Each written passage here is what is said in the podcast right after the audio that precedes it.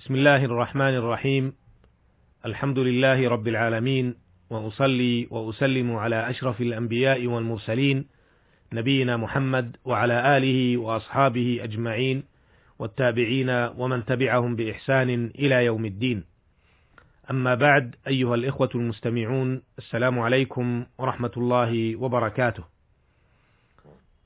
تحدثنا في الحلقة السابقة عما رواه الشيخان عن إسحاق بن عبد الله بن أبي طلحة عن أنس بن مالك رضي الله عنه أن جدته مليكة دعت رسول الله صلى الله عليه وسلم لطعام صنعته لرسول الله صلى الله عليه وسلم فأكل منه. ثم قال قوموا فلا أصلي بكم. قال أنس فقمت إلى حصير لنا قد اسود من طول ما لبث فنضح فنضحته بماء. فقام عليه رسول الله صلى الله عليه وسلم وصففت أنا واليتيم وراءه والعجوز من ورائنا فصلى لنا ركعتين ثم انصرف. ولمسلم أن رسول الله صلى الله عليه وسلم صلى به وبأمه فأقامني عن يمينه وأقام المرأة خلفنا. وعرفنا ما في هذا الحديث العظيم من حكم وأحكام.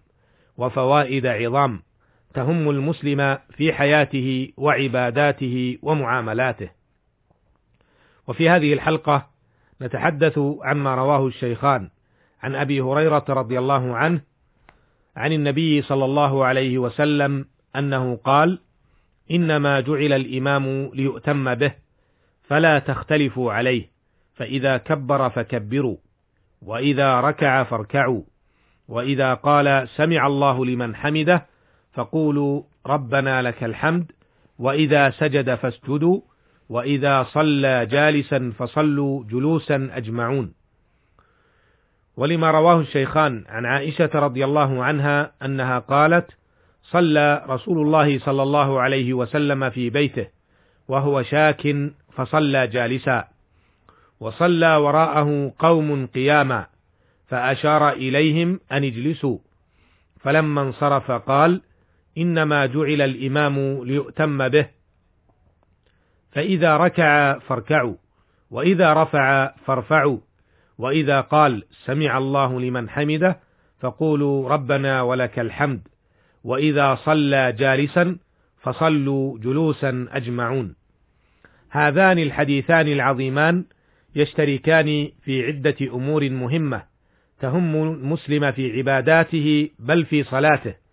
نقف مع أحكامهما وحكمهما وفوائدهما الوقفات الآتية. الوقفة الأولى. قوله صلى الله عليه وسلم إنما جعل الإمام ليؤتم به. قوله ليؤتم به أي ليقتدى به وليتابع. قال الحافظ ابن حجر رحمه الله والمراد بها أي الجملة السابقة أن الائتمام يقتضي متابعة. يقتضي متابعة المأموم لإمامه في أحوال الصلاة، فتنتفي المقارنة والمسابقة والمخالفة إلا ما دل الدليل الشرعي عليه. وقال في موضع آخر: قال البيضاوي وغيره: الائتمام الاقتداء والاتباع، أي جعل الإمام إماما يقتدى به ويتبع، ومن شأن التابع ألا يسبق متبوعه ولا يساويه ولا يتقدم عليه في موقفه بل يراقب أحواله ويأتي على أثره بنحو فعله ومقتضى ذلك ألا يخالفه في شيء من الأحوال. وقال النووي وغيره متابعة الإمام واجبة في الأفعال الظاهرة. وقد نبه عليها في الحديث فذكر الركوع وغيره بخلاف النية فإنها لم تذكر وقد خرجت بدليل آخر.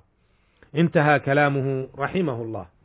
ومن هذا نفهم أن الإمام في الصلاة يجب أن يتابع فلا يتقدم عليه أحد من المؤمنين بتكبير ولا غيره بل لا يمالث بل لا يماثله ولا يقارنه. الوقفة الثانية أرشد النبي صلى الله عليه وسلم في هذين الحديثين إلى اقتداء المأمومين بالإمام ووضح عليه الصلاة والسلام صفة هذا الاقتداء فبعد أن ذكر القاعدة وهي إنما جعل الإمام ليؤتم به قال عليه الصلاة والسلام فإذا كبر فكبروا وإذا ركع فاركعوا وإذا قال سمع الله لمن حمده فقولوا ربنا لك الحمد وإذا سجد فاسجدوا وإذا صلى جالسا فصلوا جلوسا أجمعون.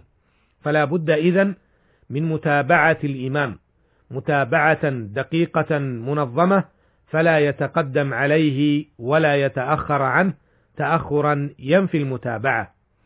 وهكذا ديننا الحنيف في جميع أحوال المسلم تجد أنه يعود المسلم على الترتيب والدقة في جميع أحواله وتصرفاته. ألا ترى أنه يلزم المسلم بالاستيقاظ مبكرا ليؤدي عبادة يتقرب بها إلى الله تعالى. فإذا ما كل من العمل في وسط النهار من أعماله ووظيفته ألزمه بالراحة في هذه الصلاة. وألا ترى أنه يختم يومه بتلك العبادة بعد عناء النهار وتعبه وكده.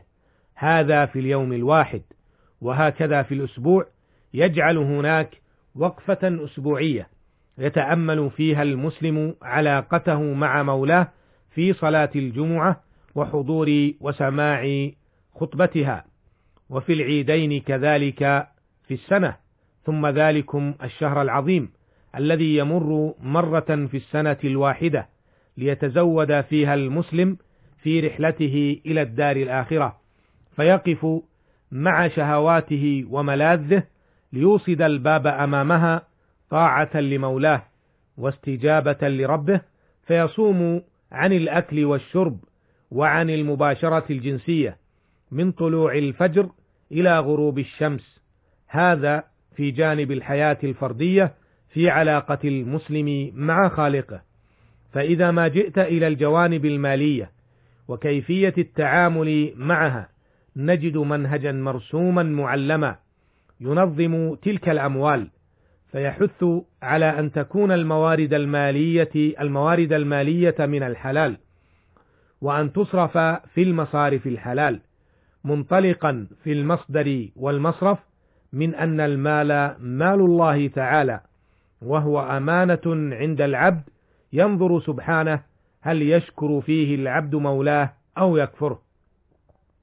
فيه مجال لأن يتصرف المسلم لكن بالضوابط الشرعية كما أن فيه نسبة معينة ملزمة لمن يستحقون دفع الزكاة لهم بالإضافة إلى تعدد المجالات الخيرية التي تكون مرتعا لذوي النفوس الكريمة والهمم العالية فيروا الله من أنفسهم خيرا. فإذا ما انتقلت إلى جانب العلاقات الاجتماعية فستجد أن نظام الإسلام لا يعلوه نظام. ضبط تلك العلاقات ضبط تلك العلاقات وحددها بل جعل الرحم مشتقة من الرحمن. من وصلها فقد وصله الله ومن قطعها فقد قطعه الله. ابتداء بالأقرب فما بعده من الوالدين وما اتصل بها. ثم نجده شرع قيام العلاقات مع الآخرين على أساس من الود والرحمة والصفاء والأخوة فجعل المسلمين كالجسد الواحد إذا اشتكى منه عضو إذا اشتكى منه عضو تداعى له سائر الجسد بالحمى والسهر.